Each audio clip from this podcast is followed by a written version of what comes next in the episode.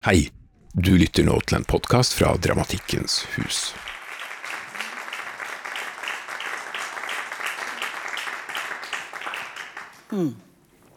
Good evening. Um, I don't like being streamed. I think it's it is quite strange, but I'm going to try and just lie back and think of England, as it were, um, and and focus on you who are who are here.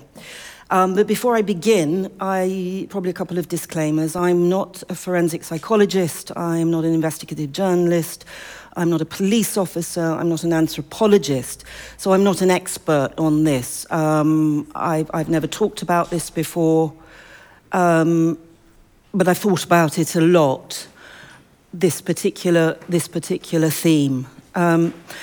And the caveat, of course, is although I'm none of those things, like everybody on the internet, I sort of feel that I am. I feel that I'm an absolute fucking expert. I'm not an amateur sleuth like those assholes on Reddit. I, I, I know how these things work. Um, and wh- whenever there is a news report of a woman who's been killed, me and my friend Mylisa always call each other and say, Do you reckon the husband did it? Definitely and you start to and you're usually right you know.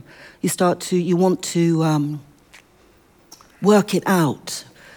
Unso- solve the mystery right the wrong or something. So the question here is um, why wh- why why are we here? By the way there are a couple of images on the powerpoint presentation today that are not safe for work and this will probably be for most of you the first time that you will have seen very graphic violent images in plenum and on a very large screen, um, which are non-fictional, of course. So I'm quite quite um, cautious and aware of the impact that that might have for those people who are at home. This is just business as usual. It's violent graphic images just on your laptop. And what does that do to us? I think it's the same as pornography, is it not? How many people have ever seen pornography in plenum on a very large screen? It would be horrifying. Those of us of a certain age, of course, have. And um, I'd, like to, I'd like to look at that. Those of you who have come here today, um, I assume you're into true crime. And whether you have a small vibration in you of it being a guilty pleasure, I, I don't, I, I, don't, I'm not down with the idea of guilty pleasures. If it's pleasant and you're not hurting anyone, you know, why should you feel guilty?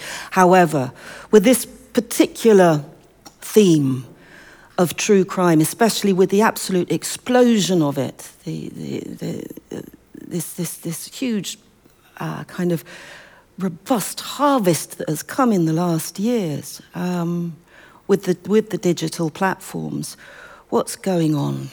Why, why are you here? I don't really know. I assume it's something that comes from here. You saw the advert, and make no mistake, I chose that title really carefully. Um, I'm, I'm dog whistling to you, yeah?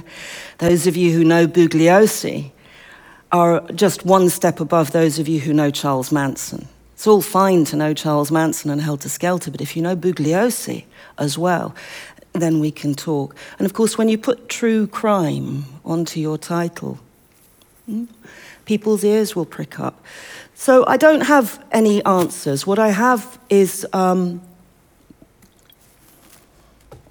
my own theories about why I'm, I loathe to use the word obsessed, but why I'm ineluctably attracted to true crime and watching these documentaries feverishly or quietly uh, or immersing into the long form narrative on the podcast where it's being whispered into my ear and following these, these journeys of violence and mayhem. And very, very often it's women who are being slaughtered, very, very often.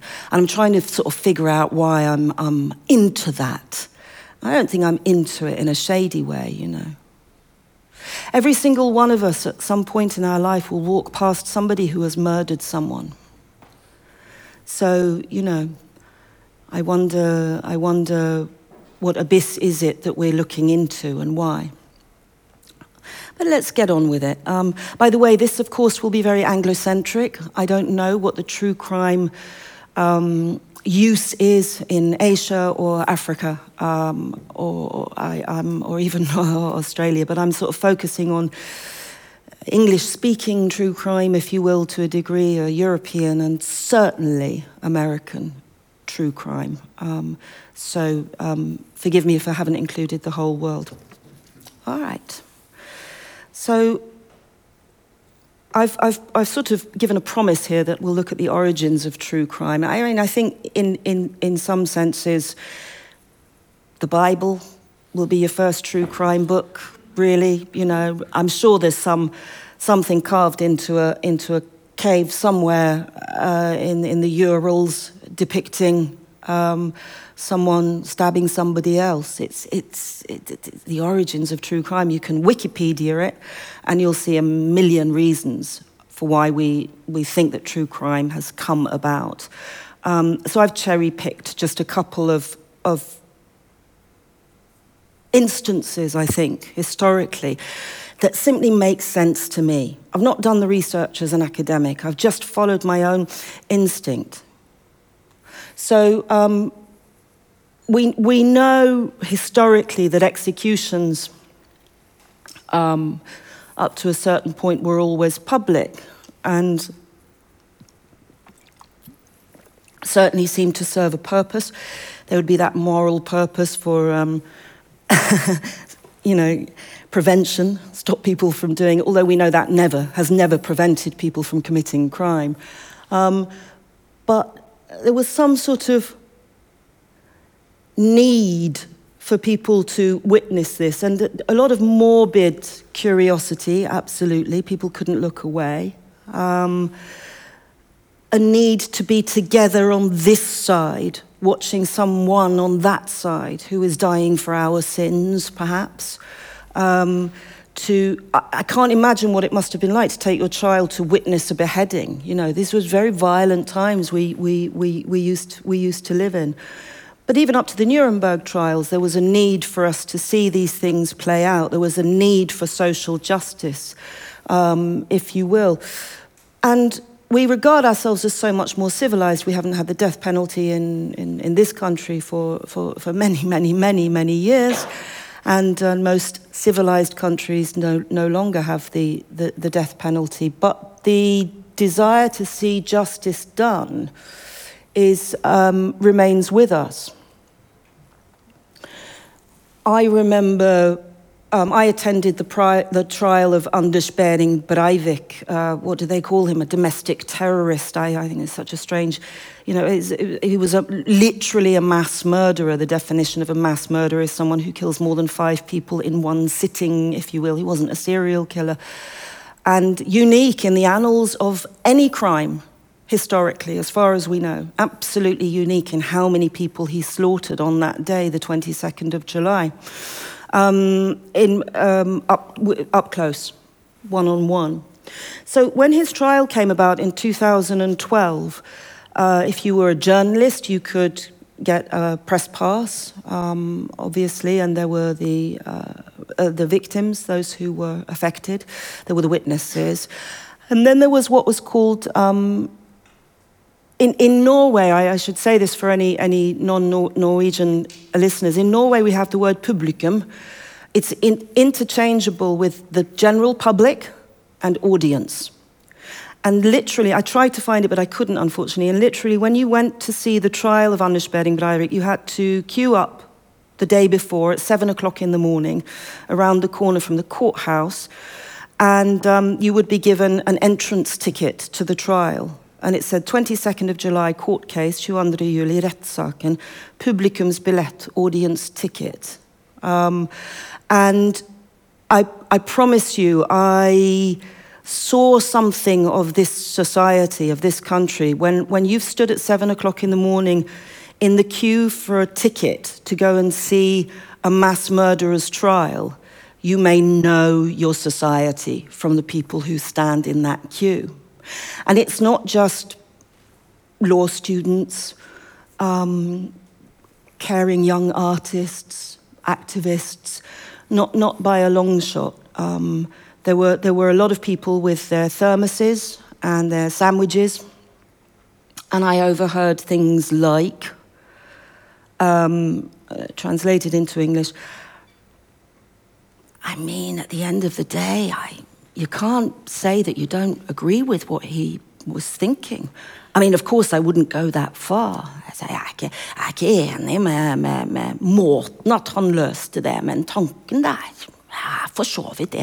I do agree with his thoughts of why he wanted to do this. Of course, I would never go that far. And, and, and I bring you, brothers and sisters in the true crime audience, fellow sleuths, I bring, I bring you this, this postcard from the edge. I bring you this information from the front line. This is not something that I have gleaned from the internet or Wikipedia. I was there, you know. And why was I there? I could say, I wanted to be a witness because it's more important to see with your own eyes if you can, just as I went to see Donald Trump's inauguration. But there was something else, and I still haven't quite worked out what it was. I wanted to see him, I wanted to hate him, and I did. I found, I found in, in, innumerable reasons to hate him even more than I already did, to, to, to see him there and to dissect everything about him, about Anders Behring Breivik, every the way he moved. And of course, as a dramatist, as a stage artist, I feel like I'm an, I'm an expert in understanding character. And that's a whole other show, how Anders Behring Breivik behaved. But there we were. And I think if we had the death penalty and he had been executed in the public square, we would be many there watching it.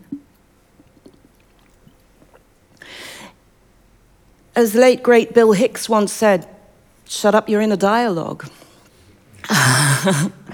I, I, I, sense you, you know, what I, what I would do if I was sitting where you're sitting, I'd go, no, I wouldn't want to watch someone be killed. That's snuff. Uh, even if it was state sanctioned, it's still murder, you know. But I, I, propose that this is not true. How, can, how much would it take for you to look away? And why do we want to look? And I'm going to say this I don't think it necessarily makes us bad or immoral or amoral people. Um, those are my, are my theories. So, um, there we had the, uh, the, the executions. I just did a small time bend there to just touch base with that we are not so far from our uncivilized, barbaric, medieval past as we would like to think. Our, we have the technology of the gods, but we have the medieval institutions and we have primal screams still within us, I believe. Um, in the 1800s, and now I'm going to get very Anglocentric, we have something called, um, well, of course, with the advent of the printing press, and certainly with industrialization, and, and to a degree, when people actually started to read. So we're, we're talking about, actually, if we go back here, there was something called broadsides, which were large sheets of information about all the crimes and executions that were happening at the time, which would be sold at these public executions. But if we move forward, at that time, of course, that was just for the, the, the, the upper echelons, the high, higher ranking people, because they were the only people who could read. So this was, this was not for the commoners at all. But we had what's called the penny dreadfuls.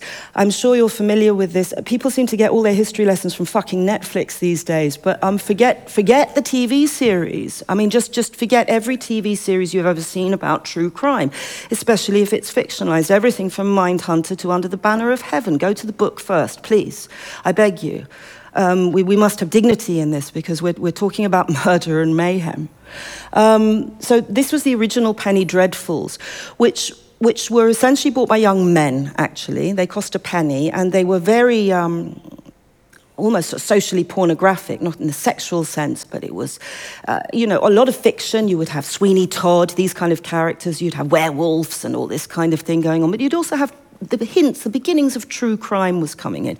And it was very speculative. And it was called, um, this, this was regarded as the first in the UK, and it just explains everything, the first really popular entertainment for young people was the penny dreadfuls. They, they, they just absorbed it in, in absolute droves. Um, they eventually, of course, die, died out because they were taken over by um, uh, other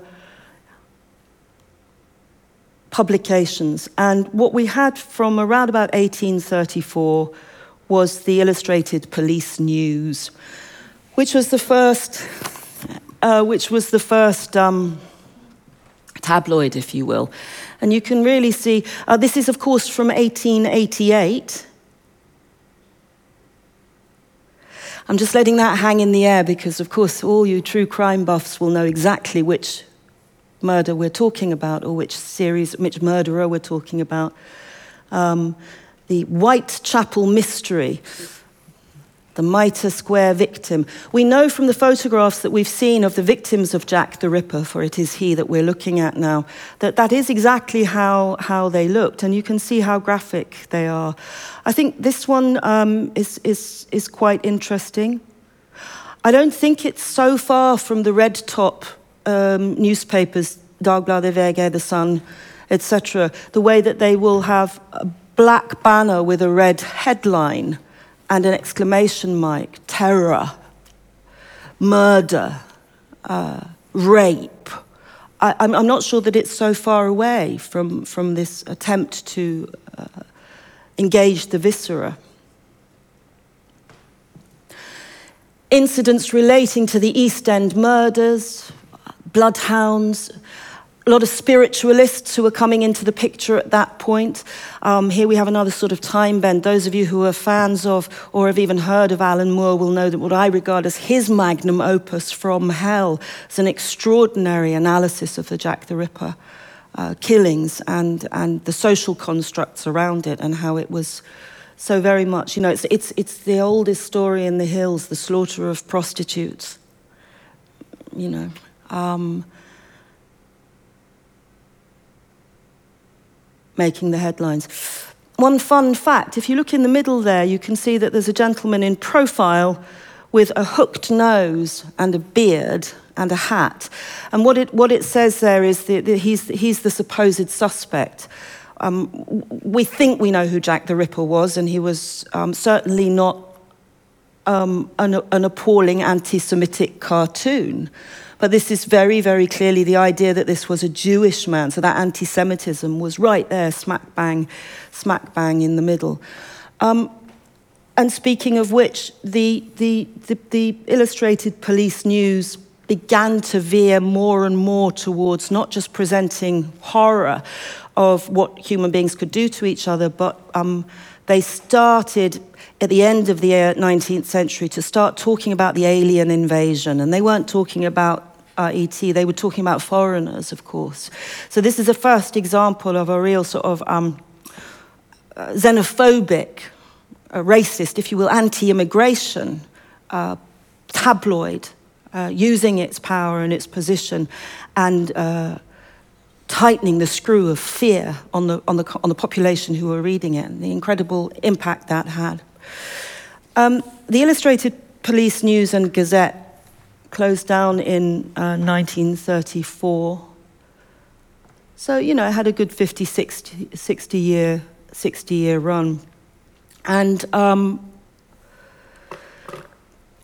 we, we don't see, I, I haven't seen um, a big impact of the true crime genre, if you will, be- between 34 and the 60s. And I think, uh, arguably, the horrors, the real horrors of war, um, would have shunted to the side the need for people to um, indulge or explore or, or understand themselves through true crime. And I would propose, and I don't know, but I'm, I'm, not sure how many young men and women fighting on the Ukrainian front are reading true crime. I'm not ha- sure how many of the young women in Tehran who are demonstrating with their hijabs are going home at night and looking into a true crime podcast. Because I think um, it's a luxury, possibly, um, and I'm not knocking it, I'm just saying for those who are not truly in danger this, this, this may be why, why we explore that. I think if, you, if your life truly is violent and you see it day to day, I'm, I'm not sure necessarily that true crime would be your thing. Having said that, it may be. I don't know. I'm just proposing uh, some, some more theories. So the post-war era was a, was, a, was a time of, I mean, the war didn't stop in 1945 and everyone got back to business. It took years, you know, years to, to, to recover from the trauma of it, if, if indeed Europe ever did. Um, uh, or even, you know, what, what happened in, in the US. And it's really not until 1967 that we see what is regarded as the very first um, true, true crime novel of the, of, of the modern era, if you will. Uh, that you're all true crime buffs, so I'm preaching to the converted. I'm sure you, I'm not telling you anything that you don't know already. So, In Cold Blood by Truman Capote, uh, for those who don't know, uh, Capote really hadn't written anything since um, breakfast at Tiffany's. He was going through a bit of a dry period, if you will. He he just couldn't get it to, together, and um, and and as we know, and you know, this he was reading a newspaper. It took him a long time to write this book. He was just reading a newspaper article one day, and just saw a tiny little article about a, a family in Kansas who had been slaughtered, the Clutter family. One, one, one, one day, the, the entire family, uh, both kids and parents, um, were, were just found uh, shot to death. And it was just, just, just horrified the local rural community. And, um, and two young drifters were found uh, and were arrested, Dick Hickok and Perry Smith. And, and, and Capote decided this was something here. And what he did was quite extraordinary. He went, he went down uh, to Kansas, and he began to interview the local people. It wasn't easy because Capote was a bit of an asshole, and he'd sort of come along from the from the big city, and these were very rural people who were rocked by this terrible trauma. But he took with him the writer Harper Lee, who wrote To Kill a Mockingbird, and it was actually her presence there that elicited all the information he needed. He wrote this extraordinary book, which was written like fiction, went into imagined detail of what had happened, but we knew it was true. Everyone knew it was true, and it was, it was an absolute bestseller. It was made into a film in 67 by Turner Classic Movies, for those of you who are interested. Those are the two actors on the left, and that's Perry Smith and Dick Hickok there on the right. So this was the first time that we saw um, the, the, the fictional imagining of a, of a true, true crime. But let's just be aware of something here. Capote fell in love with um, Perry Smith and certainly fetishized him. Um, Perry Smith is there on the left of those two shots there.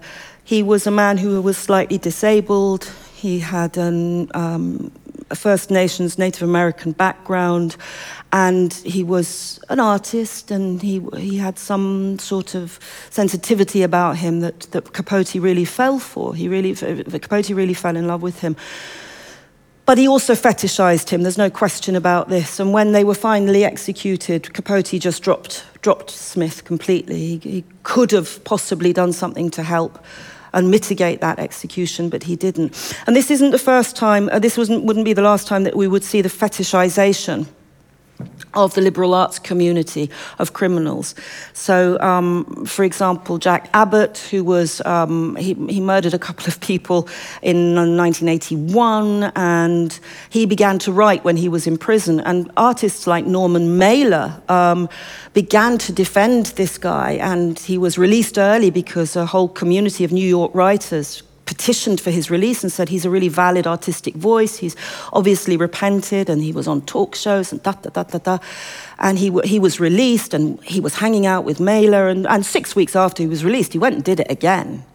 Uh, I mean, just for no reason, strangled somebody to death and went back into prison. All of the liberal art community were a bit sort of. Um, right, and, and never held really to account. It's not the last time it happened. It happened again in Austria um, in in, in, in the 80s. Again, um, I don't know if any of you are familiar with Jack Unterweger. Jack Unterweger had, um, had strangled a young woman with her own bra and he'd gone into prison. And in prison, he'd begun to write again. And of course, you had writers like Peter Handke and Elfriede Jelinek and Günter Grass who just started reading this guy's work. He was very good at promoting himself from the Nick.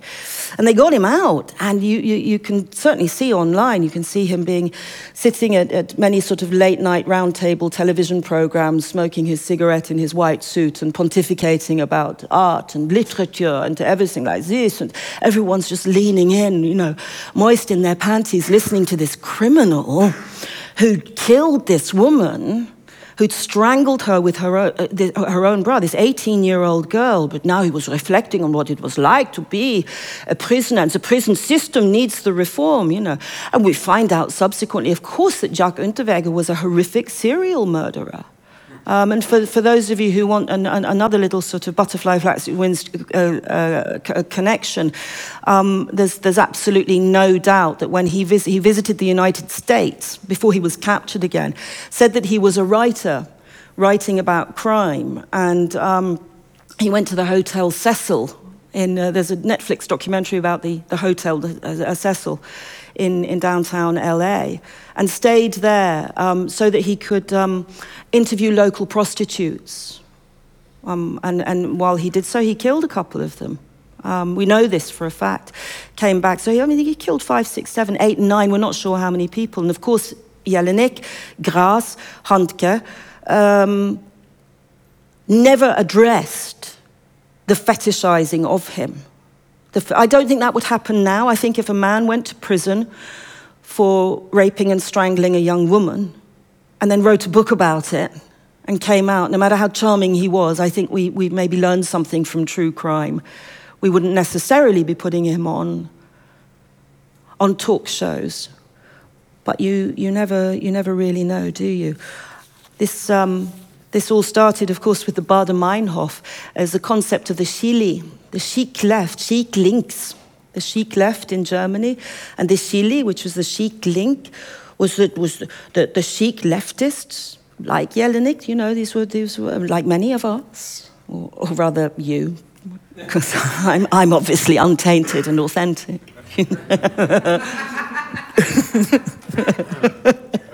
I've got proof.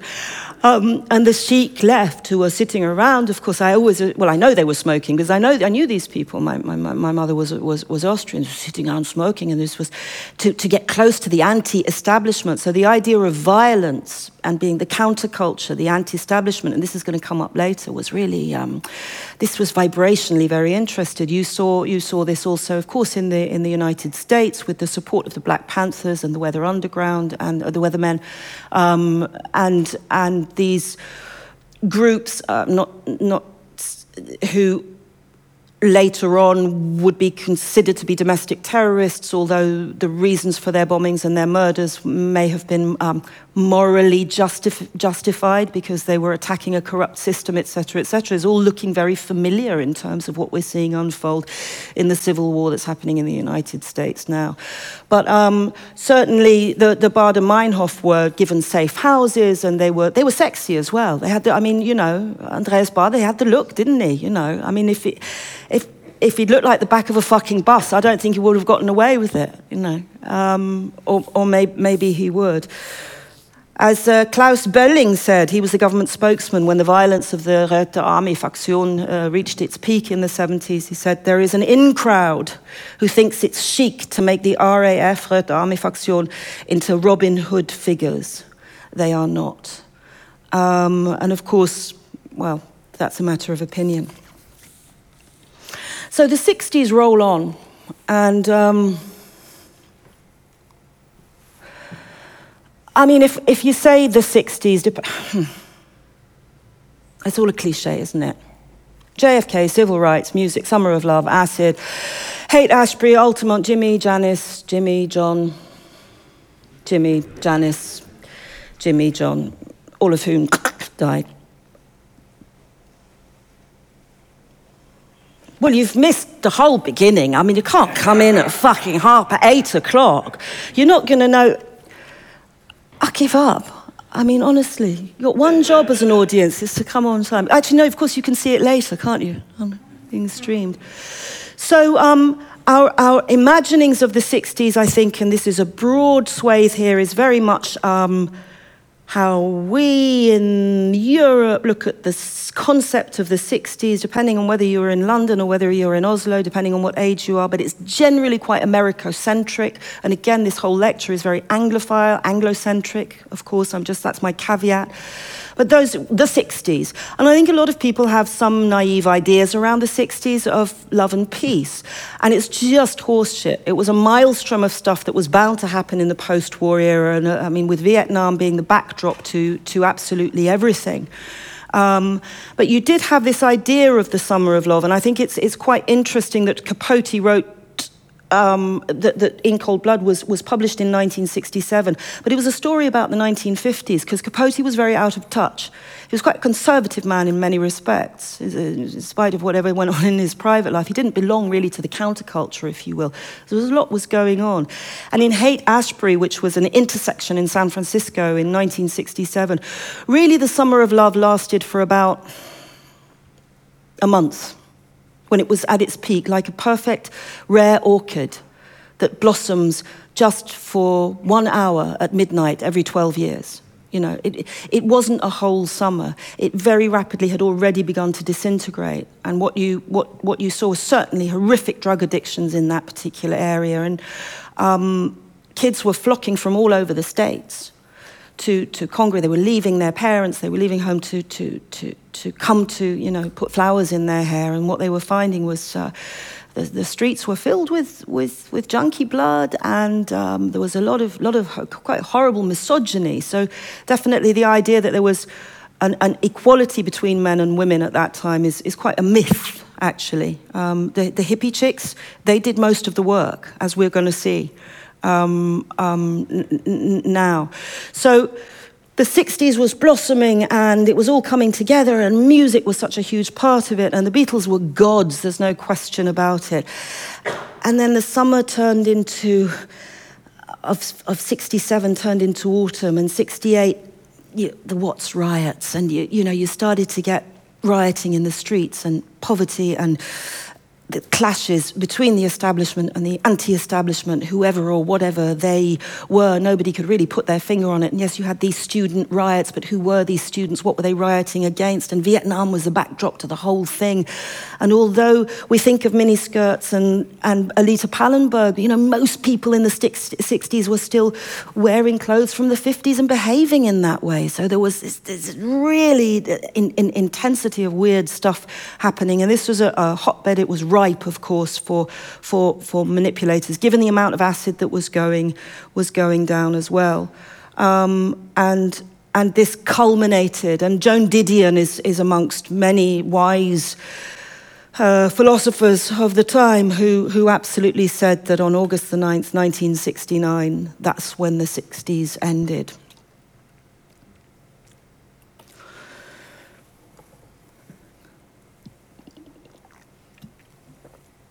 I'm assuming if you've come to a lecture or tuned into a lecture about Bugliosi, Helter Skelter, and the origins of true crime, I didn't need to mention Charles Manson um, at all because you'll, you'll make the connection or you would have done a Google. Um, of course, we're talking about Charles Manson. Um, and the Manson murders, as they're called, that incredible onomatopoeia, you know, man's son, son of man, this strange little man who had been incarcerated all his life, who uh, had, had, had grown up in the most terrible poverty, yada, yada, yada. And yet the nexus of him arriving out of prison, having spent most of his entire life from being a child in prison for serial crimes, and he arrived in 1967 68 into San Francisco, and he just saw the world had changed and um, gathered together. And this is work, you, you can do all this research, but he gathered, as you probably know, he gathered together a band, a group. Uh, a commune, as it was, uh, which they, call, they called themselves the family. They were misfits and orphans, if you will, who, who, who gathered together, young men and women, mainly young women, who followed Charlie out into the desert. And um, on August the 9th, 1969, in uh, 10050 Cielo Drive up in the Beverly Hills. Um, the housekeeper came that next morning to do her work, saw that the wires were cut, went into the house, and there were bodies everywhere. And I think um, I'm just going to, just to set the scene for you, just give you the opening paragraph of Helter Skelter, which I think is the greatest opening paragraph from any, any true crime book ever. Saturday, August the 9th, 1969.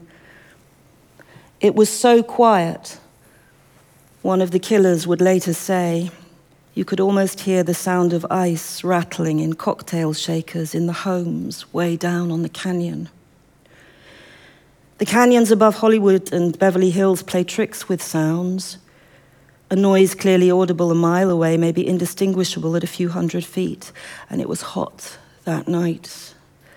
But not as hot as the night before when the temperature hadn't dropped below 92 degrees. The heat wave had begun to break a couple of hours before, to the psychological as well as the physical relief of those Los Angelinos who recalled that on such a night just four years ago, Watts had exploded in violence. And though the coastal fog was now rolling in from the Pacific Ocean, Los Angeles itself remained hot and muggy, sweltering in its own emissions. But here, high above most of the city, and usually even above the smog, it was at least 10 degrees cooler. Still, it remained warm enough so that many residents of the area slept with their windows open in hopes of catching a vagrant breeze. All things considered, it is surprising that more people didn't hear something. But then it was late, just after midnight, and 10050 Cielo Drive was secluded. And being secluded, it was vulnerable.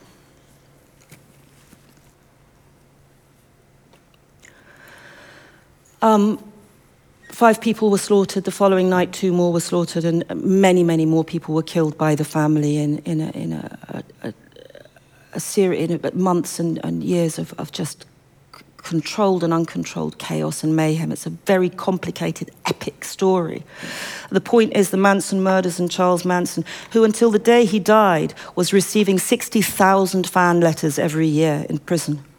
Um, and we'll, we'll, look later at the icon that he's become an icon of the, the, the, counterculture. It was, it was manifestly the incident that ended the 60s and sim symbolically followed just a couple of months later by the, the murder at Altamont. Uh, Speedway, where the Rolling Stones were playing, where, where all the promise of, uh, of love and peace, uh, the, the, the mirror image of it became the negative image of itself. Um, one day your children will come at you with knives, you know. Um, said, uh, said Charles Manson.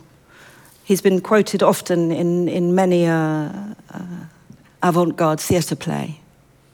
There was some strange poetry there. In 1974, the book Helter Skelter was written by Vincent Bugliosi. Vincent Bugliosi was the district attorney who prosecuted the case. Mean, he's uh, the number one true crime uh, writer uh, still, even though he died in 2015. And this book, Helter Skelter, is the top selling true crime book of all time. It continues to be. Um, it sold eight, nine million copies. Um, and it's, it's regarded very much as the benchmark. And the reason I wanted to talk about it, or rather present it here, was because it is unlike, I think, any other true crime book. Um, there are many good books out there. But this book,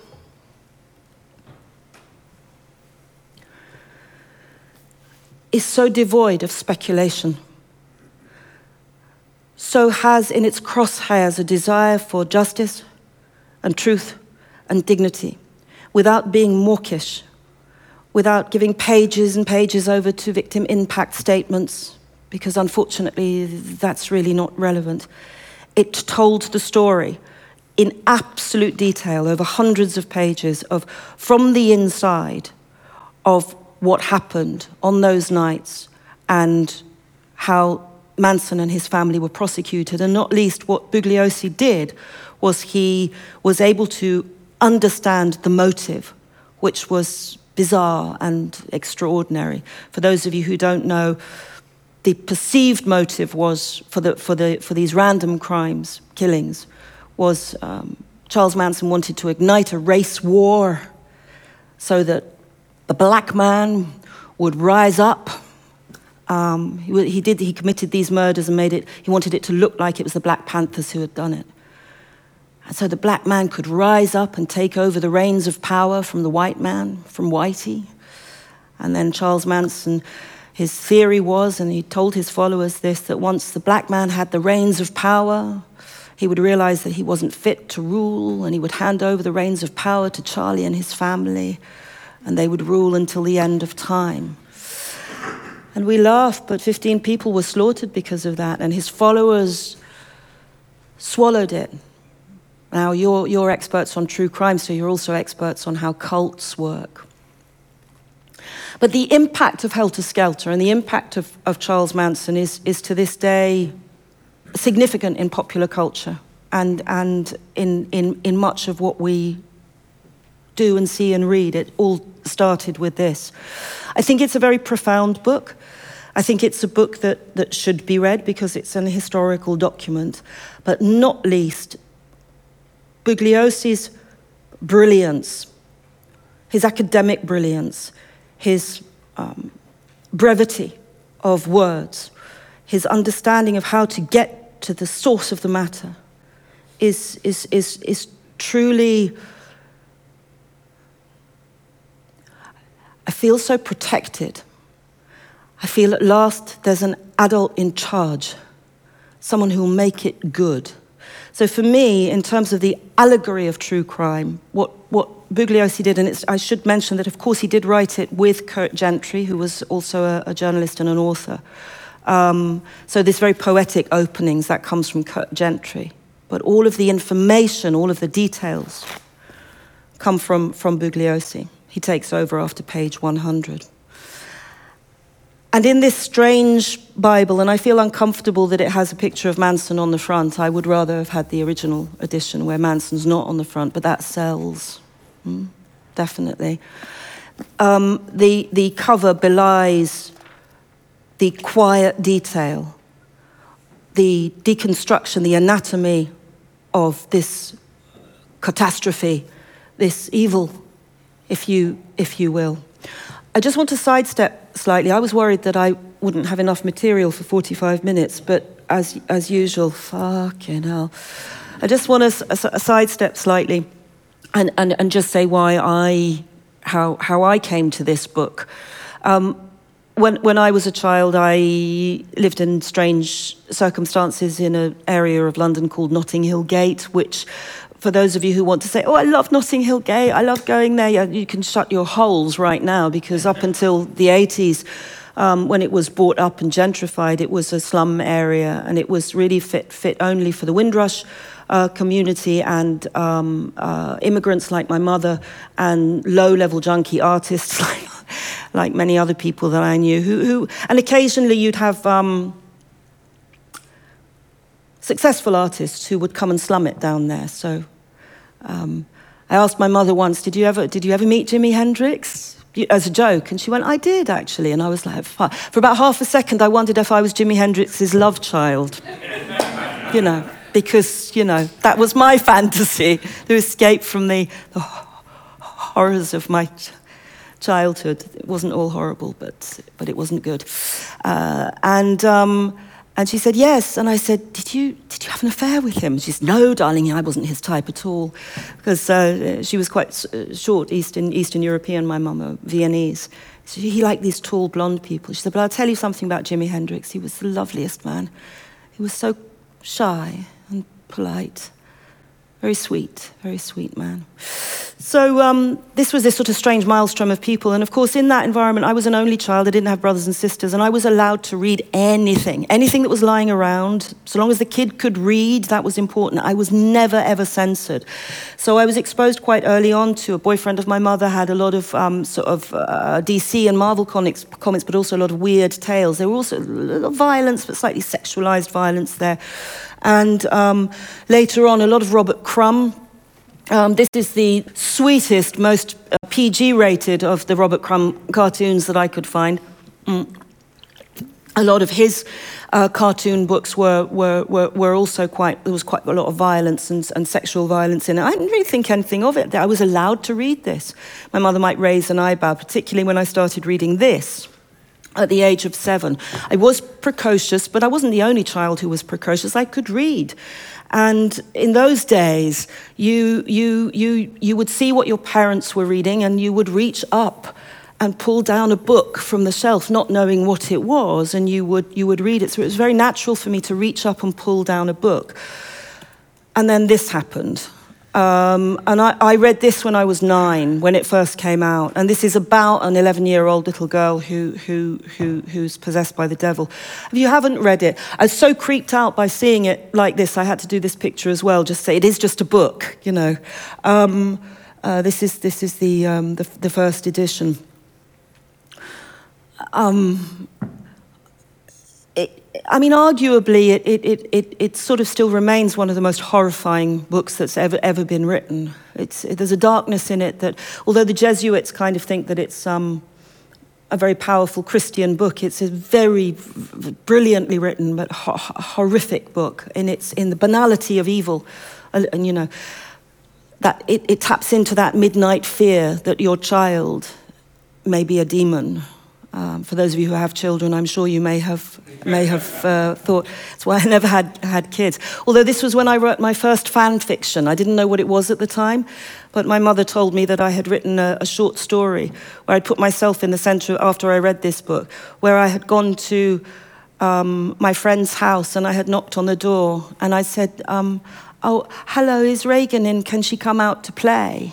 And, and the mother of Regan had looked, uh, looked very pale and did not look well and said, Regan can't come out to play, she's ill. And that was, that was me trying to visit the possessed girl in my fan fiction and, and make it better. And, and that, that, that's one of the hints I have of, of my, the umbilical pull that I have towards these, these, um, these kind of violences. In 1961, a book called 10 Rillington Place came out. This was about a mass murderer, or rather, um, this is a modern, a modern version of it, by Ludovic Kennedy. 10 Rillington Place was 50 metres from where I was, um, the first apartment that, that, we lived in, slum that we lived in. Um, it was in Notting Hill Gate, and John Reginald Halliday Christie, who here played by Tim Roth, um, he serially murdered a number of women in, in, uh, by, by helping. He, he, he claimed he could give them abortions and then he would kill them um, and, um, and do things to them. He was a necrophile. There he is in real life. And this was the first time that a really a necrophile, this sexual, this necrophilia, that this had come up, in, and it was, it was widely publicized. And he blamed his, his illiterate um, lodger and the police, because he was a well spoken man, even though he lived in a dodgy slum area. He was a well spoken man. He'd been a police officer during the war. And he convinced the cops that his um, lodger, Timothy Evans, had done these murders. And Timothy Evans was, uh, was executed for those murders, saying to the last minute, I didn't do it, I didn't do it. it you have to ask Christie, Christie done it, I didn't do it, I didn't do it. And he was, um, he was hung. And that's one of the reasons when they finally found out that, that it was actually Christie who had done it, one of the reasons that the death penalty was abolished in the UK. And this was just around the corner, and this was in the late 50s, and my mum um, had met Christie. So this was the first. Um, so, like with, yeah, Hendrix was hanging around, but Christie was known in this area who would drink in the KPH pub. And I said to my mum, Christ, what did you, what did you say? Oh, he was a fucking asshole, my mum said. He said he was this, this uptight bourgeois asshole. He had no reason being in the area, you know, and he, he, he was aggressive and he thought himself very posh. And they, they you know, the, the artist crowd, they could all see through him. Um, and and as, as, as, as true as I stand here, it was a friend of my mother's, uh, George, who was, who was one of the two painters and decorators after Christie had, had left the house who found the bodies. Um, they were just taking some wallpaper off the wall and could hear that it was hollow behind the wall and pulled back the wallpaper and saw two trussed up bodies. And George turned to his friend and said, he was West Indian, George, and said, Man, call the fuzz. And you didn't call the fuzz if you lived in Notting Hill in the late 50s. It had to be bad. And that was my first understanding of living in that area. This is the same area a few days later. This is me in 1968 sitting outside St Mark's Road, which was 50 metres away, of having that sort of real visceral connection to the, these, these, these terrible possibilities. Um, so reading 10 Rillington Place and understanding this, it wasn't, it wasn't divorced from me. It wasn't, it wasn't something that I was ever afraid of. I was, I was already drawn to it. And in 1977, I was in an airport, a whole family, family holiday, a group of single moms, as they were then, taking all their kids on holiday to Greece. And I had an hour to kill, and I found this. That's the actual copy. And my mum raised an eyebrow and said, Sure, you want to read that? Just as she did with The Exorcist. Sure, you want to read that? And I said, All right, it's your funeral um, kind of don't come running to me if you can't sleep at night. That was, that was my. I wouldn't be the person I am if she hadn't done that, you know. All, um, they fuck you up, your mum and dad, you know, but, but for, for all that, she never censored me, man. I read William Burroughs when I was seven. There's a reason you end up winning awards, you know what I mean? I, not, not, not inviting hubris, but for fuck's sake, if she'd kept me to age appropriate shit, I, ref- I defy age appropriate. 60. Thank you very much. um, interestingly, later editions changed the cover. It's a little see the sport sidetrack here. And I think it's quite interesting to see how it sells itself. We have the first edition there in 74, the true story of the Manson murders. Second edition where they've got they've given you Manson's you know face, but the font is extremely straight. Helter Skelter. The worst it is is now a shocking film, a disturbing film, The Manson Murders, full stop. You've got the third one, the world's number one true crime bestseller, Helter Skelter, now with including a chilling 64 page photographic record of the victims, the killers, and the evidence. Because it just wasn't enough, was it? You know, leaving nothing to the, to the imagination. And finally, this one. Um, I, uh, I, I think. Um, uh, I mean, of, of, of, course, the final one is the most snuffy of all because the font there is, is taken, it's pretty much taken from, from, from the original writing in, in, um, in blood uh, of, of, of, of, one of the killers, um, using the blood of one of the victims. So um, it's, uh, it's, it's, a weird thing. So, for those of you who don't know Helter Skelter, the, the book, um, and the kind of impact that it's, that it's had on, on, on the society, and why, as a seven year old, uh, or I would have been 11 or 12, 11 year old, I was drawn into this. Um, particularly because the language was so, the language in the book was so dignified, was so intelligent detail and detail. I felt safe within the details. The descriptions were not mawkish, they were not uh, speculative, they were quiet descriptions of mayhem. And for me, given the internal mayhem that I experienced, uh, I felt I experienced as a child, this was someone was saying it's true. This mayhem exists. Let us map it out. But not saying, oh, look at the mayhem. Oh, let's make it into entertainment. It was, um, there was, this was the serious business of justice being done. And I trusted it because it was written by the DA and his voice was very, very present. Sandy?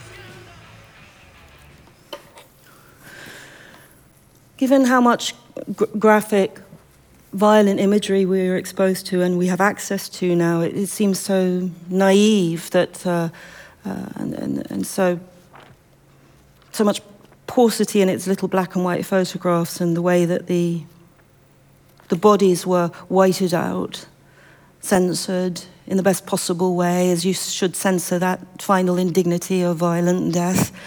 But what it did for me as a child, I, I, I reading this as a, as, a, as even as a, a young a woman, when I've read the book many times, was I imagined. I could only imagine. It forced my imagination. So, the way that a podcast that just speaks intimately and describes intimately will will will will get to your core and your bone, a true crime podcast, much more than, than, than, than an extremely graphic movie because our imaginations, they're designed to run riot. Fear is the most primal f- feeling that we have. And when we indulge fear, we also get adrenaline and endorphin that comes into us. So there, there is an addiction to true crime. And I kept looking at these pictures, these, the absolute innocence of the murdered in, in death, in murdered death, uh, the loneliest place to be, and yet they are clean. It became somehow biblical for me. And those who had done it were so evil. So, this experience of reading the book gave me this sense of good and evil. And Manson was the ultimate evil, even though there was explanations in the book of why he had done what he'd done, of the childhood he had had, of the abuse that he had had experienced. The question always remained: Could it be forgivable for that? Should we no longer have the concept of crime, brothers and sisters? Should we change it to simply illness? Is everything a diagnosis? And these are the questions that we ask. I think not. I, I think that we have a great need to see justice done when a terrible wrong is, is, is done. Although nowadays, do we know what is right and what is wrong? But for me, at center of the whole thing was Vincent Bugliosi, whose um, sense of justice and his confidence in himself. A lot of people have accused Vincent Bugliosi, who's, who's, who's really just one of the most famous historically DAs, uh, attorneys, and lawyers in, in the United States. He's just ambitious, people would say. Um, his whole thing with the Manson case, and there's a lot of, of course, we know how you, you can imagine how many conspiracy theories there are around that Manson didn't do it or that it was the CIA. I mean, conspiracy, conspiracy, you know, and also the apologists for Manson, that he. Uh, he um, was merely responding to a toxic society. One day your children will come at you with knives if you treat them in this way. They are merely responding to your toxicity. And, and, and I'd like that to, hang, that, that to hang in the air, the way that those ideas can be manipulated. We don't meet Vincent until uh, uh, Vincent Bugliosi until 100, page 151 in the book, and, um, and, and up until then, it's all just written in the third person. And he suddenly says, um, in part three, the investigation, by now the reader knows a great deal more about the Tate LaBianca murders than I did on the day I was assigned that case. In fact, since large portions of the foregoing story have not been made public before this, and they haven't, everything that we know, we know so much, none of this had been made public. It was extraordinary. The reader is an insider in a sense, highly unusual in a murder case, and in a way, I am a newcomer, I am an intruder. The sudden switch from an unseen background narrator to a very personal account is bound to be a surprise. The best way to soften it, I suspect, would be to introduce myself. A conventional biographical sketch would probably have read something like this Vincent T. Bugliosi, aged 35. That's how young he was, same age as Charles Manson. Deputy District Attorney, Attorney, LA, California, born in Minnesota, graduate of the Hollywood High School, attended the University of Miami on a tennis scholarship, BA, etc., etc.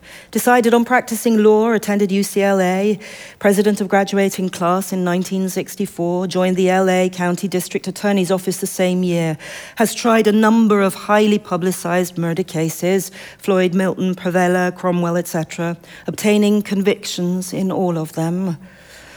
He has tried 104 felony jury trials, losing only one, etc., etc. Well, that's probably how it would read, says Bugliosi, and yet it tells nothing about how I feel towards my profession, which is even more important. This is how I feel. The primary duty of a lawyer engaged in a public prosecution is not to convict, but to see that justice is done. And his profound sense of justice carried through in, in, in, in, in absolutely everything that he, uh, that, that, that, that he did. He did some groundbreaking things in the trial of Charles Manson, something that I, I'm, I'm tempted to do in my own work. He, uh, he handed his opening statement as a, as a trial lawyer. Usually, your opening statement's going to be a big surprise for the jury. He printed it and he uh, handed copies out to every single journalist who was waiting at the LA County Courthouse for the trial of the century up to that point. The next trial of the century would, of course, be O.J. Simpson. Um, and he handed out this 12 page opening statement and the reason he did so was very simple. He said, um, I don't want them to get a word wrong. I want them to be able to quote me. I want them to understand what I'm saying. The details are absolutely everything. There is no time and space here for us to not pay attention to detail. And there were two things that, that he absolutely hated was, uh, was uh, in, his, in his life, and this is why he's just my homeboy. Um, those who do not pay attention to detail, who are swayed by the easiest option and incompetence. He had a theory that the majority of human beings are incompetent. We are surrounded by incompetence. That's why people get killed. Hmm. His career, of course, was made. Um, he, he left the DA's office because he didn't want to prosecute anymore. He became a defense lawyer for a long time, and then he became a writer. Um, especially on the back of this, he could, he could be one. Um, the legacy of Helter Skelter, of course, is phenomenal to this very day. Uh, 50 years later, 50 years half a century, and still it permeates if you don't know, in the English speaking world at least, or anyone who's hip to any kind of popular culture, if you haven't heard of Charles Manson, that's a, a, weird one. For those of you who don't know, the song I played there is a song called Helter Skelter by a, a, a small pop combo from Liverpool called the Beatles. Um, this was of their uh, self-titled of their album, which became known as the White Album, a double album that came out in 1968, 69. Charles Manson was absolutely obsessed with this album. He loved the Beatles because Charles Manson, and here's the fucking kicker, because whatever other reasons there may have been for race war and counterculture, your children will come at you at your knives at the end of the day. This is my theory, but it's shared with some other people. Charles Manson was a mediocrity. He wanted to be an artist. We've heard it so many times before. He wanted to be a musician. He even managed to hang out with Dennis Wilson from the Beach Boys for a while until Dennis Wilson freaked out and realized this was not going well and ran, literally left his own mansion to Manson and the family, and uh, his, you know, his, his life ended, ended early as well. And Manson wanted to be a musician, and when he read, when he listened to the White Album, he began to interpret the words. They, he said the Beatles were speaking to him, and helter skelter. When I get to the bottom, I go back to the top of the ride, and I stop and I turn, and then I go for a slide, and then I get home to you. Helter skelter, and I would say, let's face it, helter skelter, written in 1969, the first heavy metal song ever, and that was Paul McCartney. Who knew he had it in him? You know. I mean, really, ah, that scream. It's the first scream and growl. And it sounds like helter skelter. And of course, when, when, when the Beatles heard that this had been done in their name, I think Lennon said, Helter Skelter's a fucking fairground ride. What a fucking idiot. It's just a song about a fairground ride, and we put a riff on it. Jesus Christ. John Lennon. They wanted to be the Beatles. He wanted to be the Beatles. So, for, for shits and giggles, um, I think it's quite interesting if we, would, if we were broadcasting this on, on Facebook. This is a fun fact. I would not be allowed to, we'd have to mute out this song by Charles Manson to protect the artist's intellectual copyright. you need to play it, please. This is Charles Manson.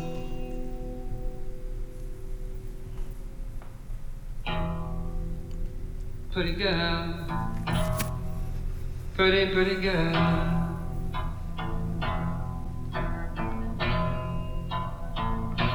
Cease to exist.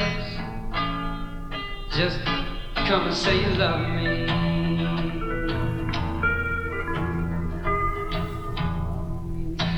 Give up your world. Come on, you can't be. I'm your kind, oh, your kind, I can see. Walk on, walk on. I love you, pretty girl. I think that's enough of Charles. Yeah, you can have Tony, thank you. We don't need to give him so catchy, huh? I don't know how I feel. It's catchy. It's really catchy.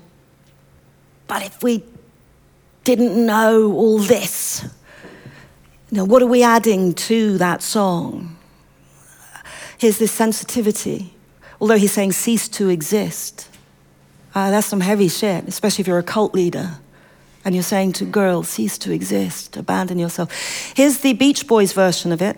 Um, some people argue that the slaughters happened because he was rejected by the Beach Boys. They didn't give him a credit. They, they gave him some money for the song, and then they recorded it on, their, on, the, on a subsequent album. They changed the, uh, the title to uh, Never Learn Not to Love, and uh, they did this with it.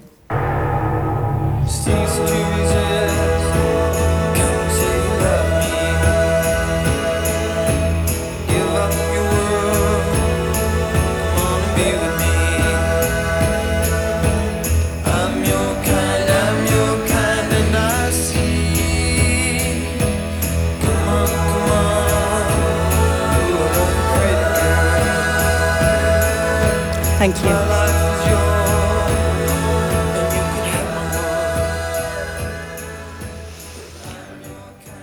And that strange intersection there, where he would have heard that and what that did to him. And there's enough of you here who are artists today. Can you imagine that happening to you? And then with the thousand other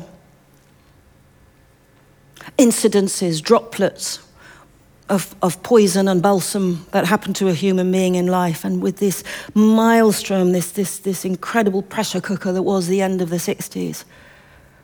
And he did what he did. I'm talking mainly about Charles Manson. Of course, you you, know it, he he didn't commit these murders. He he did kill people. We we think we, we're fairly sure that he didn't have a problem with that. But he he got his followers to do it, and they interestingly they were mainly yo- yo- young young women, um, and that's that's a whole whole whole other lecture. But the legacy remains. Um, they will. Um, remain in prison for the rest of their lives. Um, there's, there's no question they cannot be released, just as our very own Manson can never be released. And the question is why. Arguably, the, um, the, his four main followers, uh, uh, Charles Tex Watson, Patricia Krenwinkel, uh, Leslie Van Houten, and Susan Atkins, who's now, who's now dead, who, who was the one who stabbed Sharon Tate. Bitch, I have no mercy for you. Um, uh, she's now dead, but the other three are clearly rehabilitated.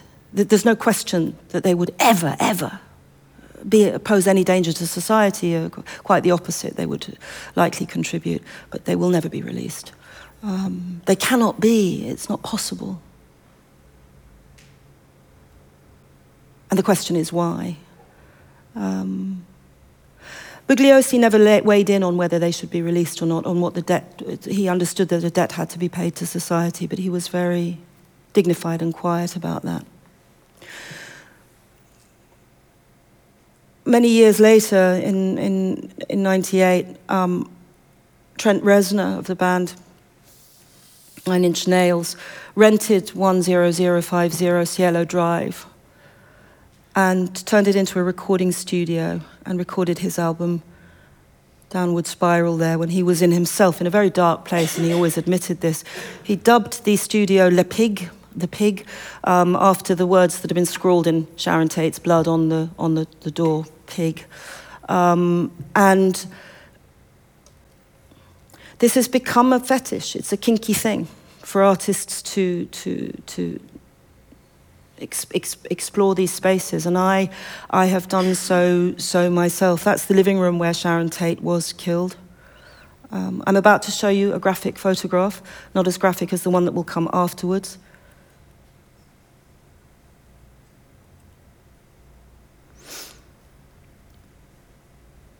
And now we get to the point in the evening where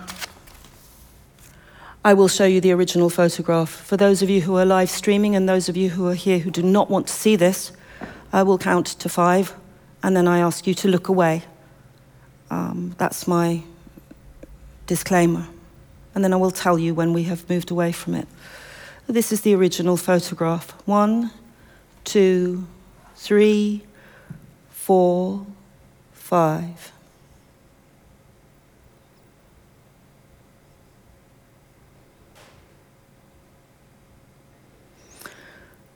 That's the body of Sharon Tate, stabbed 16 times. Jay Sebring on her right there, her friend and ex partner, who was shot and stabbed. In the same year that um, Trent Reznor, I, I do like to compare myself to Trent Reznor and David Bowie. In the same year that Trent Reznor was recording there, I found myself doing quite controversial work. And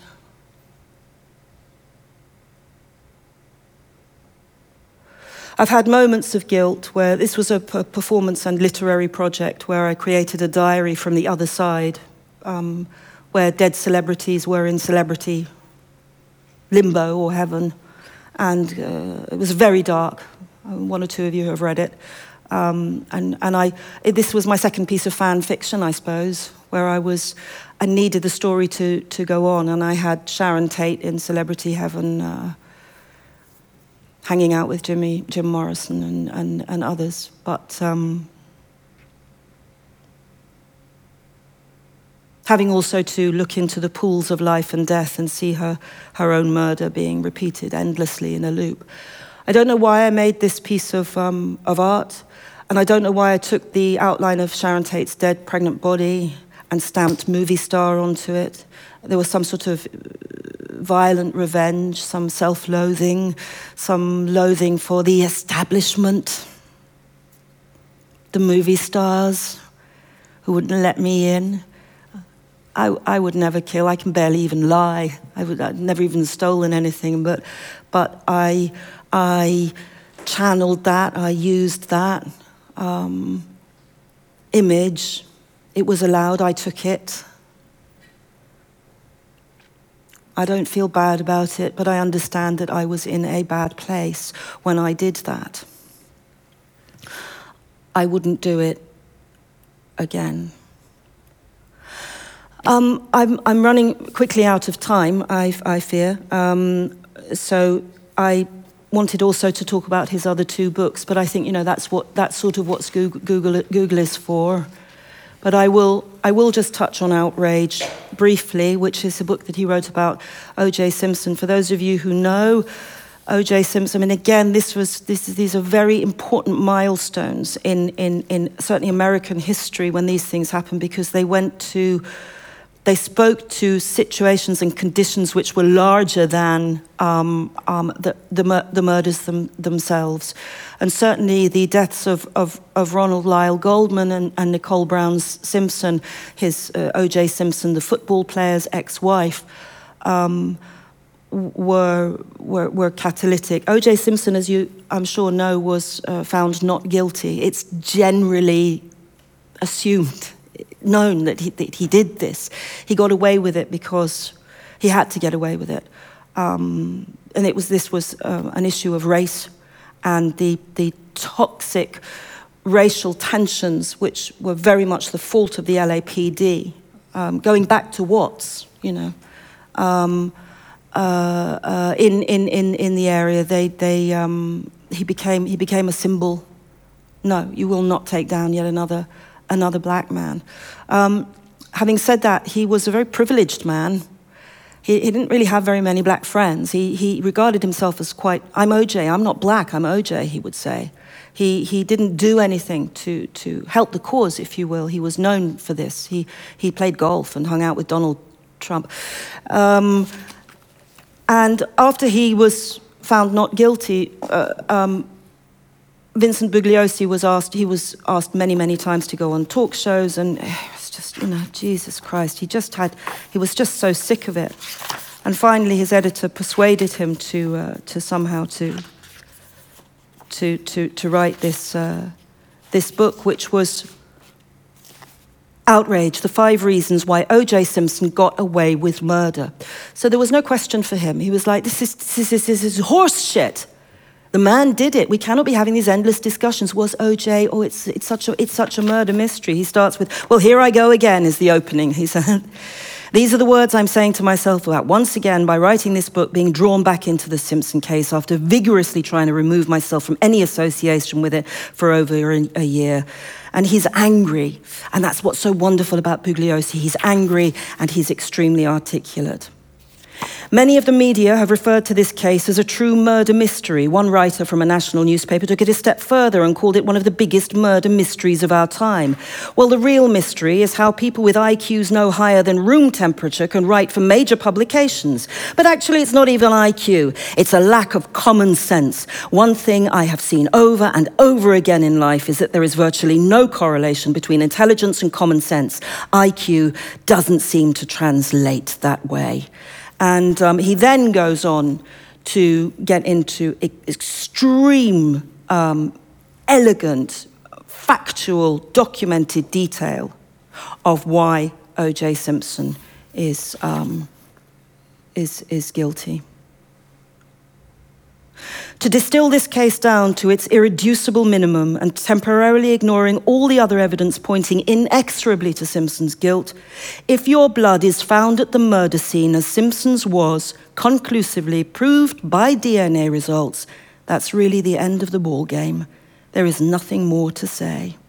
And then he goes on to use 30 pages to explain what DNA is. I do recommend this because he is so pissed off.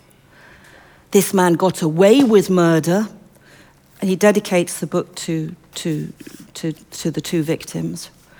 And um, he understands fully the context and why he got away with murder, but he shouldn't have. And finally, we move to his magnum opus. Which he spent 20 years writing. It's 1,600 pages long. You even get another 1,000 pages on, DV, on, on CD here if you want. Um, this is Reclaiming History. And I carried this, I felt like a kid again going to school. Ca- this is a book. This is a fucking book. The assassination of President John F. Kennedy. So um, the first few hundred pages are just those four days in November, going hour by hour from the 22nd of November, actually from the 21st of November 1963 through to the point when, uh, when uh, Jack Ruby uh, killed uh, Lee Harvey Oswald. Um, and, and I mean, so, so each page, this is like 24, each page is in, in, in, it's, it's, it's so exhaustive, it's, it's stunning. It's absolutely stunning because he uses his prosecutorial, but also his lawyer's, his, his judicial sense for, for, for, for absolute detail. He's not going to present you with a fact that cannot be backed up with 10 other facts. So at the back of the book, we have, you know, um, I mean, I think the notes alone are, are that much. Uh, the bibliography is 47 pages uh, long. I, I, it costs 50 quid, but it's, an, it's incredible. And what this book is doing is saying, finally, Lee Harvey Oswald was a lone assassin. There was no conspiracy. What he very eloquently points out he brings in he's, he brings in the Warren Commission. What he, he very elegantly points out is, um, and he reserves some of his most virulent anger, cold, cold anger for Oliver Stone. Um, for those of you who don't know, Oliver Stone made a film called JFK, which came out in, hmm, correct me if I'm wrong, 94, I believe, 91. Um, an extraordinary film. I, I had it as one of my. F- I would write down it was my favourite film on dating apps. You know, to make myself look cool for for a long time. It's a fantastic film, um, and it weaves for those of you who haven't seen it an incredible amount of con- of, of very um, persuasively of conspiracy theories on why uh, Oswald was innocent and that basically it was the system, it was the CIA, it was Lyndon B. Johnson, it was Castro, it was, you know, had, had taken, taken JFK down. And what we've seen, is they've done quite a lot of research in the States about this, is that from the moment that film came out, it was one of the highest grossing films of the, de- of the decade. And they've done a lot of research subsequently, and that's the film that has impacted people's uh, certain generations. Uh, For those who didn't know anything about JFK, it will have impacted their understanding of it. And they will read that film as the truth. And what happened in that moment, and here's the kicker, ladies and gentlemen, brothers and sisters, is this was when the concept of conspiracy as being a valid explanation for outlandish events really took hold in the United States. Ar- ar- Arguably, I'm not an expert on this, but we can, we can see it, it sort of comes from that moment. Um, uh, it, it's, there, there are absolutely uh vastly more people in the United States who believe that, um, that, that Kennedy was assassin, assassinated by a conspiracy which, which reached to the very highest echelons of power, i.e., government. So that jolting of any faith or trust in government can, can be, you, you can see the, the, the connections where, it, where we, we have the counterculture that, that, that began to murder government and then Vietnam and Oliver Stone, who served in Vietnam, and his experience of being lied to, we begin to see trying to make sense of these terrible traumas. Certainly, arguably, starting what's in 1964, and then and then states in, uh, and then and then uh, Beverly Hills in 1969 in in, in August, and. Um, he, he warns here in this, in this magnum opus, it's 1,600 pages and, and small print. I'm telling you, mate, you know, this is, um, this, this will last you for a hootitude. Um, and, and the last sort of 100 pages are, are, are, are dedicated to taking every single conspiracy theory and quietly laying it out, and then, as a brilliant prosecutor, as a brilliant lawyer, simply with facts, uh, it's just, it's, no trial, no jury, straight to execution, is fact, is able to dismantle these, these, uh, these, these conspiracies. And perhaps one of the reasons I love Bugliosi so much is as a child, I felt that he was the, a father figure who could save me from evil men who were doing things. He would come in and he would say, You are bad, and this is why you are bad. But he wouldn't lose his temper. He was quiet and he was passionate and he was articulate, and right was on his side. And why wouldn't I fall for that? You know, I've, to be honest, I've always wanted to marry a copper. Really, I don't, I don't say fuck the police. I've, I've met some very nice cops. I'd love to marry a nice, a nice liberal detective, you know, who puts away paedophiles and child killers. That'd be all right because I, I, I think they. Um, I'm being honest. I'm not, I'm, not, I'm not countercultural, you know, because it disturbs me. Disturbance in the natural order of things. I don't like revolution. I, don't think, I think it rarely works. So that would be my desire to go into into into true crime, and certainly with with um, with finally with, with, with this, where I you, it's truth, and it's calm, and it's good, and it's intelligent, and so much work went into it. And it's not just been pulled out of the ass and thrown there and believed. Every single fact here has been looked and examined and set to the test. Does it hold water? You can trust this. How can you not? This, this is not a Breivik manifesto. It is the absolute opposite. It is good. It's my Bible. It is. Just looking at it makes me feel well that someone said, no, these conspiracies cannot be allowed to flourish.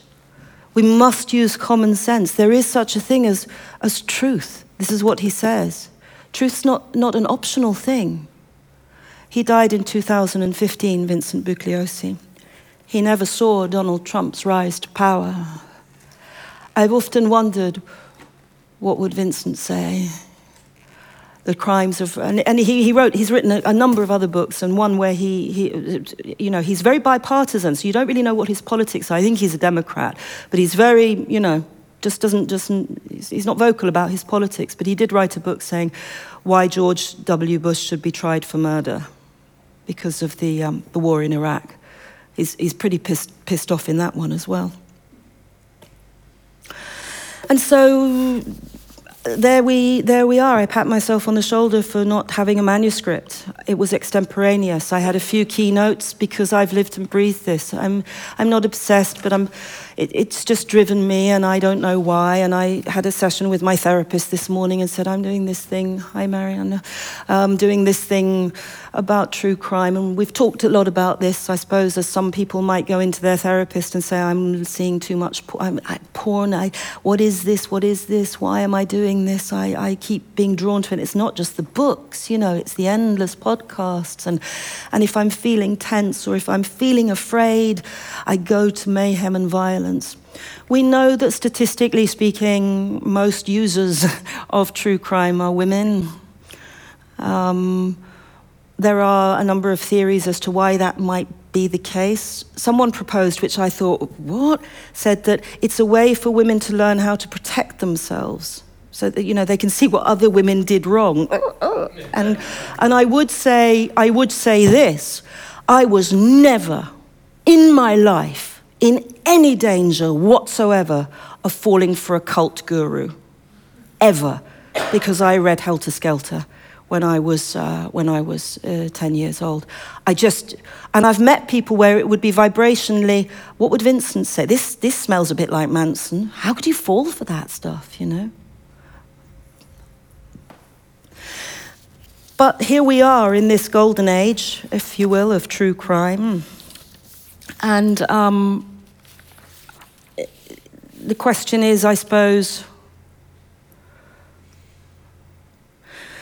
I'm, thinking when I look on Netflix, there seems to be a slight shift, correct me if I'm wrong, because I assume you're all buffs. It's a slight shift away from serial killers and over towards swindle. Um, we, we, we, I, I, thought, I thought Tinder Swindler was, was, was a dreadful, dreadful name, but a brilliant storyline. We, we, no one got hurt some nice Norwegian girl lost a couple of million, but as the as, as, as one one very funny woman in America said, this beautiful African American woman said, that girl that girl managed to get someone get her bank to give her give her a loan of a million. My bank wouldn't give me fifty bucks, you know, to give to this guy who is uh, uh, swindling her. So so this idea that it was a rich girl's problem was, um, was quite satisfying to us. So the, the, victim then became sort of, we, we could pour our derision onto the victim because no one got hurt, it was just money. Of course, it's traumatizing to fall for someone who claims that they're a multi billionaire and finds you on Tinder and tells you that you're the love of your life. I mean, that must be painful, but.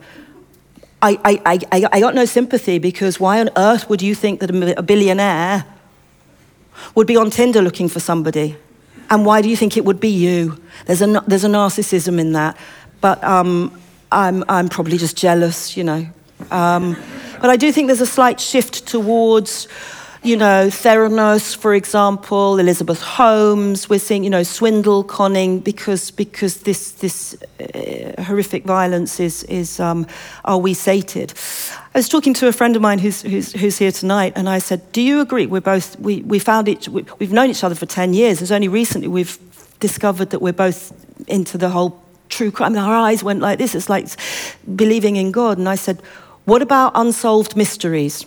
Miscarriages of justice? Nope. And I agree. I don't want any unsolved mysteries. And I don't want miscarriages of justice. I want the tracks to be very straight here. I want the crime to be committed. And here we really can look at the dramaturgy, if you will, of Helter Skelter. Um, I want the murders to be committed. I want to understand who the killers were. I want an investigation to take place. I want there to be an understanding of why this happened, not just proof that it happened. I want an even deeper exploration into who the main perpetrator was. Because by knowing him, I can contain him, I can recognize him, I can fight him. Trollen sprekke. The troll explodes in the sunshine. Okay, that really doesn't translate into English, but it's a Norwegian saying uh, which pertains very nicely to Charles Manson. And then I want a trial. And I want an understanding that maybe even a trial isn't good enough, that even with a trial, Charlie's followers were out there still killing and kidnapping and slaughtering while he was in prison. And for me, this became very true because you, we're so often told, Alta brano, everything's fine now, there's been a trial, nothing's wrong. And you want to say, but things still are wrong. And so I want that as well. I want that kind of detail. And then I want to know that I probably still need to be on watch. That your children will come at you with knives. That, that, that, that it's not safe.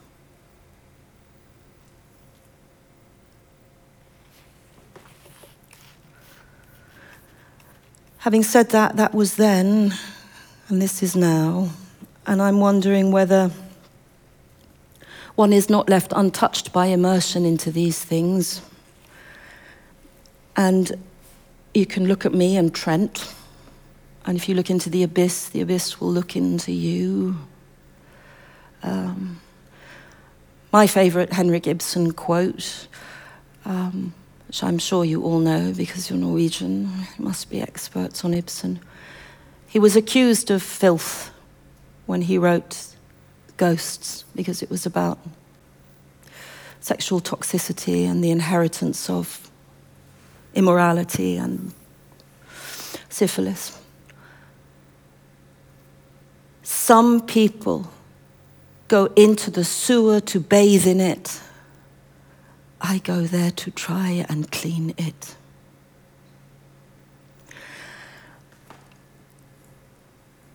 In 2019, Quentin Tarantino made um, in the, on the 50th anniversary of, of, of the, of, of the, um, the Tate killings, made Once Upon a Time in Hollywood, which was um, had had the, the, the Sharon Tate the, the, and, and Manson threaded through uh, another story about Hollywood in the 60s. And you, you've seen this film or you've heard of it. I don't need to go into detail about that. And I went, I was in Berlin and I was, I thought, oh, do you see how I threw that in there completely unnecessarily? I didn't need to tell you I was in Berlin. you know, I'm just so desperate to be cool. I was in Berlin and I thought, I'm going to go and see this. So I went into the movie house, packed movie house. It was, had just come out and I was, I was sitting there with all this information in me you know, the exact number of stab wounds that Wojciech Frykowski, who was the partner of Abigail Folger, had on that night in Cielo Drive, you know, the ownership I had of this murder. And then I saw uh, Tarantino's um, playing out of this, of this story, and I was horrified because it was there was Sharon Tate, and it, it was it, it, didn't seem to be dark. It wasn't dark enough. It didn't. It wasn't true. He was just fucking around with this. He was fetishizing it. So I got up and left. After 20 minutes, I couldn't stand it. I just I just didn't. Margot Robbie as Sharon Tate. This was just ah. And I spoke to a friend of mine who who, who said, "Nah, man, you made a mistake. It's a great film." And I was like. Mm, okay, I'll better see it again. So I went and saw it again and he did something so brilliant. He, he did the, the, he tried to make it he did he didn't try he made it better he follows the whole story right up to the point where the four killers it was so quiet that night the killers would later say you could almost hear the cocktail shakers in the canyon on the other side up to the point where the four of them are walking up towards Cielo Drive.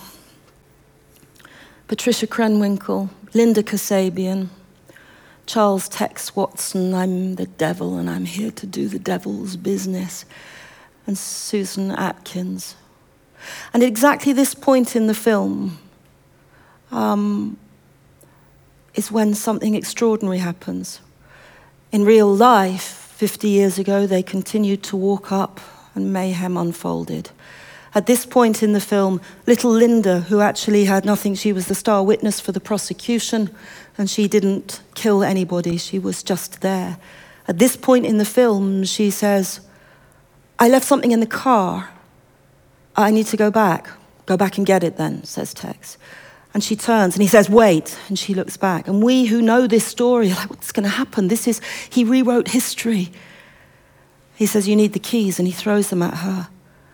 And she says, Thanks. And here's the sliding doors of history. In real life, she continued up the hill. But in this movie, Tarantino lets her turn and she gets into the car and she zooms away, air punch. And the three of them go up. And of course, Brad Pitt just takes them out. And the final scene of the film is Sharon Tate beautifully, glowingly, fertilely, still pregnant, not lying slaughtered on the floor, saying, Hey, what the hell happened there? Oh, says Leonardo DiCaprio, some crazy fucking hippies came up the hill and tried to kill us. Are you kidding me? Huh? Jesus. Uh, you know, we took them out, man, I mean, with flamethrowers. Bang. Woo! Well, come in. It's so nice to meet you, my neighbor.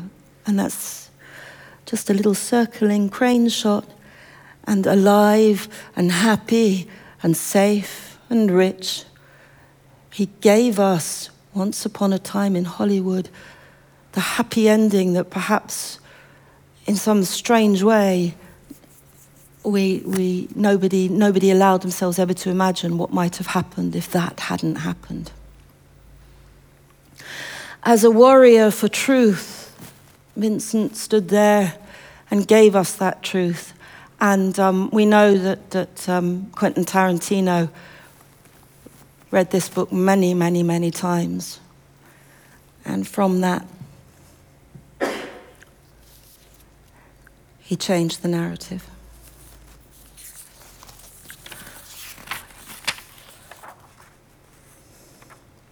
I have decided not to look at any more true crime for a while. I'm not done with it, but I'd want to evolve. Um, I, I've got somewhere to go now. I'm, I, I need to know why I'm immersing in this. And Vincent's been with me all the way, and it's through his calm brilliance and decency that you can get to a point after, I don't know, 40, 40 years or 45 years of immersing myself in true crime where I'm not done, but I want to do something else. So I'm going to give these books away to anyone who wants them. And you can carry the legacy on. And if you don't, we'll find a home for them. Thank you very much.